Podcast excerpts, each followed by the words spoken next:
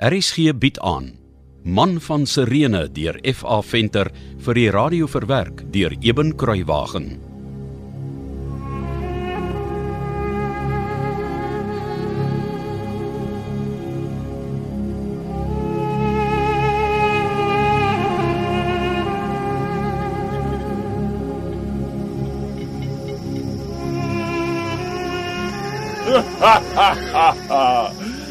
Oppas Jood! Moenie dat my gewillige perd jou namens my van die gras afmaak nie. Dink jy miskien jy maak my bang, Vitellius? As jy nie versigtig is nie, vat ons jou nog van jou ou grondjie af en maak van jou 'n geleislaaf. Met daardie skouers van jou sal jy sommer in 'n jap trap die roeispane baas raak. Jou vuil goed. Dit sal jou weer vervloekte Romein. Dit is jou gevaar dat die Vitellius met die steel van jou jagpies inslaan. Jammer ek het hom nie heel van sy perd afgeslaan nie. Ja, maar Simon, jy's 'n Jood. En hy's 'n Romein. Ja. Ha! Oppas. Gee, ek sien hom. Toe jou lamsak. Moenie net op jou perd sit nie. Doen iets. Toe maar Vitellius. Ek help sy op perd sommer 'n bietjie aan met 'n lekker steek van hierdie einste steel van my jaagbese met die lies. Haha. Hoe jy daarvan Vitellius? Jy gaan dit nog berou, jou jammerlike Jood. Toe julle twee frotterd. Verdedig die eer van Rome. Ah, wag, wag. Moenie die Joodse honde doodmaak nie. Ek sal aan die wraak van Cornelius oorlewer. Die swaard is vir hulle te genadig. Ons het lanklaas iemand in Sirene gekruisig. As jy jou vuil pote weer op my grond sit, Marcus Vitellius, steek ek jou met daardie gaffel deur jou vet Romeinse pens. Daarvoor sal daar nie tyd wees, die Simon nigger. Ha, hoekom nie? Gaan jy vra dat Rome jou help vlug? Nee, idioot. Ek gaan nou dadelik vir Quirinius sê dat twee Joodse honde sy taksateer en twee soldate van Rome aangerand het. Ah, lafaard. Nou hardloop jy na die goewerneur toe om jou te help. Glad nie. Dink jy vir een oomblik ek kon julle twee sukkelaars nie met die klap van my vingers van die gras afgemaak het nie, hè? Jy's vol bravade terwyl jy daar op jou perd se rug sit met twee soldate wat net reg staan om jou bevele uit te voer, Vitellius. In my oë bly jy 'n lafaard wat nie sal waag om so met my te praat as jy alleen hier was nie. Maak dat jy hier wegkom. Het jy dalk vergeet wat die straf vir aanranding op 'n Romein is? Oh, dreig jy my? Son onder met al die koring in die sakke wees, want vannag moet die skip gelaai word. En onthou, die prys is 1 en 'n half denarius die mut. My prys is 2 denarii die mit. Ek verkoop nie vir minder nie. Dis my prys. Jy kan maar hardloop om vir Quirinius te sê jy het jouself amper van jou perd afgeskrik vir twee heldhaftige Jode wat nie minder as 2 denarii die mit vir hulle koring sal aanvaar nie. En as jy so voel, loop sê dit vir daardie Kens Tiberius ook. Moet my nie tart nie, Jood. Die prys is vasgestel deur Cornelius Marsus, die hoofgraanbeampte in Rome. Nie 'n kwadrans meer of minder nie. Ek het klaar gepraat. Vannag word die koring gelaai. Hop hop. Dis 'n groot fout wat jy gemaak het, Simon. Vitellius is Quirinius se lakai. Hulle gaan ons stukken breek. 1 en 'n half denarius die mit. 1 en 'n half. Ja, dit is 'n skande. Ek steek hierdie hele hoop koring eerder aan die brand voor ek dit daarvoor aan die Romeine weggee. 1 en 'n half denarius, kan jy dit glo? Die vernietigheid. Wat kan ons maak, Simon? Dis die vasgestelde prys. Die praat soos 'n slaaf Esegiel. En jy wil hê ek moet ook 'n slaaf wees en maar vat wat die onderdrukkers my wil gee. Ek wil nie hê jy moet 'n slaaf wees nie. Het jy gehoor hoeveel leegleers en suipers is daar in Rome? Nee. 500 000. 500 000 Romeinse heidene wat aan die vreed gehou moet word sodat hulle kan sorg dat die Malteberius kan keiser bly en in weelde op Capri kan sit. Ja. En ek wat Simoniger is, moet my koring, my wyn en my olyfolie vir 'n appel en 'n ei verkoop. En dan moet ek nog alle belastings betaal ook. 'n Tiende hier, 'n vyfde daar. Ja, die keiser is die keiser, né? Daar's net een keiser, Esegiel, en dis die allerhoogste, die almagtige God van Israel. Nee, dis waar. En aan hom, en aan hom alleen is Israel iets verskuldig. Nie aan hierdie Romeinse dier wat net aan vroumense wyn en bloedvergieting kan dink die gasse dag nie. En nou Simon, Ek wens ek kon Rome so optel en diep in die see neersmyt. Oh, ja, vriend. Ek wens jy kon. ek sê jammer ek het my hier meer verlore so te kere gegaan die see gee. As daar moeilikheid kom, dan sal ek al die blame dra. Ek het immers eerste geslaan. Ek het my lewe lief en my vryheid. Dit is nie maar almal nie. Seker ja. Wat jy het om jou hand teen Rome te lig. Hulle stuur jou na die myne om goud of silwer uit te haal of na die soutmyne aan die ander kant die Jordaan. Ja, of hulle maak jou 'n soldaat in Gallië. Of so nie, stuur hulle jou om die pad Alexandrië toe te gaan help klaarmaak. Of nog erger. Hulle ketting jou vas aan 'n swaar ysterbal soos die arme vent aan die ander kant op die oop grond. Of hulle maak van jou 'n geleislaaf. Of of hulle kruisig jou. Juba, bring die sakke. Ons moet klaarmaak voor donker. Juba kan die sakke oophou. Ek sal hulle volmaak. En jy kan hulle toebind, Isigiel. Hoekom wil jy die swaarste werk doen? Ek of Juba kan mos. Jy behoort in hierdie tyd mos al te weet, hoe harder ek werk, hoe beter voel ek. En hoe minder tyd het ek om aan Rome te dink.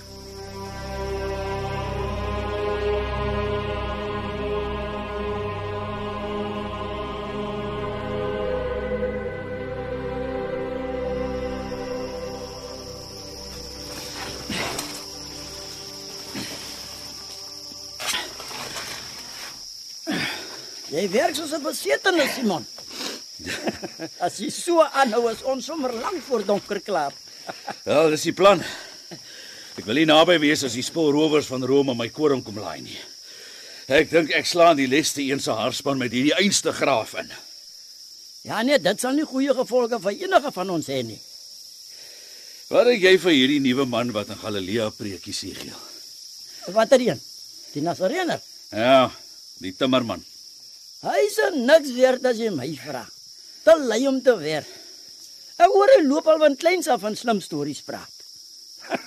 Hou hom glo slim met die skrifgeleerdes en die fariseërs nogal. Maar ek hoor dan daar so baie mense wat agter hom aanloop. Daai klomp van Galilea sal enige iemand volg. As ek so intoe moet gaan en sê ek's Moses, sal hulle dit ook glo. Ek het vir Debora ook so gesê. Ja man, dis 'n spul vissers en leerloeiers en skaapwagters. Nou, ek, ek hoor hy doen glo wonderwerke. Maak siekes gesond en so. Wat so snaaks daaraan? Simon van Samaria doen dieselfde. Hy doen ook wonderwerke. Dis presies wat ek net nou vir Debora gesê het. Jy moet hoor wat ek vir jou sê Simon Niger. Hierdie timmerman gaan nog groot moeilikheid maak. Nes daai Judas van Galilea wat die opstand gelei het. Presies wat ek ook sê. Ja, hy wil mos groot meneer speel. En toe, Toe Rome Israel laat bloei. ne? 'n Klomp Israeliete is oor die skepsel se opstand gekruisig. En as hierdie Nasarener iets werd was, vra ek jou, hoekom het hy nie die doper uit Herodes se kloue gered nie? Maar dis mos wat ek ook sê. As hy die Messias was, soos wat die spul liggelowige Galileërs sê, kan hy mos die doper gered het. Waar was sy wonderwerke toe? H? Huh? Moses het immers water uit die rots gekry, maar hierdie man kon nie eers die doper se kop red nie. ja, ja, dit is so. Hulle sê na onder ons met 'n jong fariseer in die tempel. Het hy sommer koers gevat Galilea toe waar hy weer vir die vissers kon gaan ore aansit. Ek hoor sy grootste handlanger glo een is Simon. Wat Ja. die Nasarener toe kom maar Petrus begin noem het. Ook 'n visserman. Die Petrus kapsel. Ja, glo een van 'n paar uit die omgewing van die meer van Galilea. Uh, Wag 'n bietjie. Is dit nie die ou lange met die vospaard nie? Einste, einste.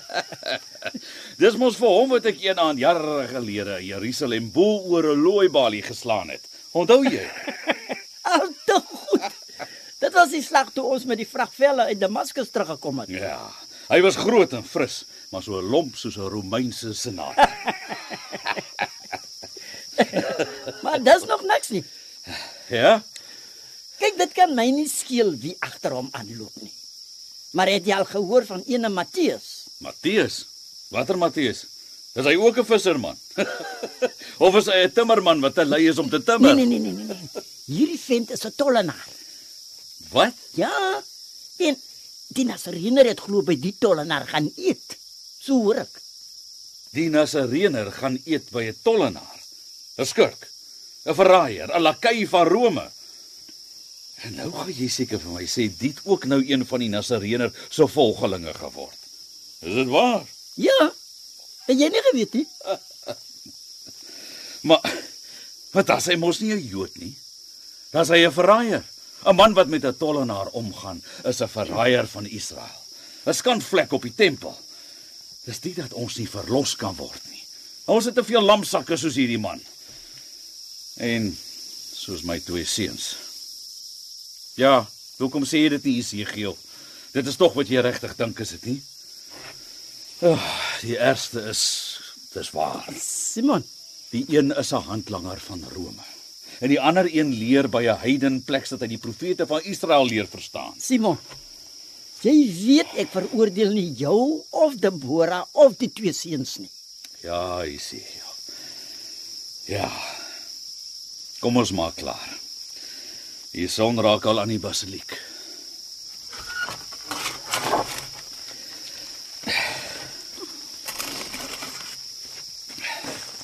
Simon. Wat van Vitellius? Wat van hom? Wat as hy vir Corinius gaan sê ons het hom en sy twee soldate aangeval? Jy ken die Romeine. Jy's vir nie bang Esegiel. Quirinius sal Vitellius uitlag. Dink jy so? Ja. Natuurlik. Quirinius steur hom nie aan klein dingetjies nie. Daarvoor ag hy homself heeltemal te belangrik. Nee nee, hy sal Vitellius verseker uitlag as hy moet hoor twee Jode het hom en twee soldate amper oorrompel. Buitendien, ons het hulle mos nie gewond of ernstig beseer nie. Ons het hulle net goed skrik gemaak. Eh, Ek hoop jy's reg. Ek bekommer jou verniet. Die een ding waaroor ek my eerder bekommer, is dat daar 'n bedrieger rondloop wat homself aanmatig om die Messias genoem te word.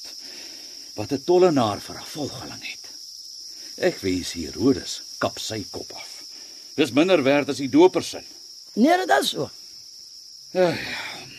Kom ons maak klaar dat ons huis toe gaan.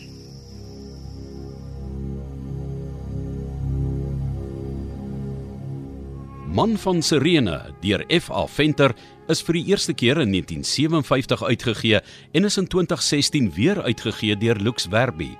Die verhaal word vir RSG verwerk deur Eben Kruiwagen.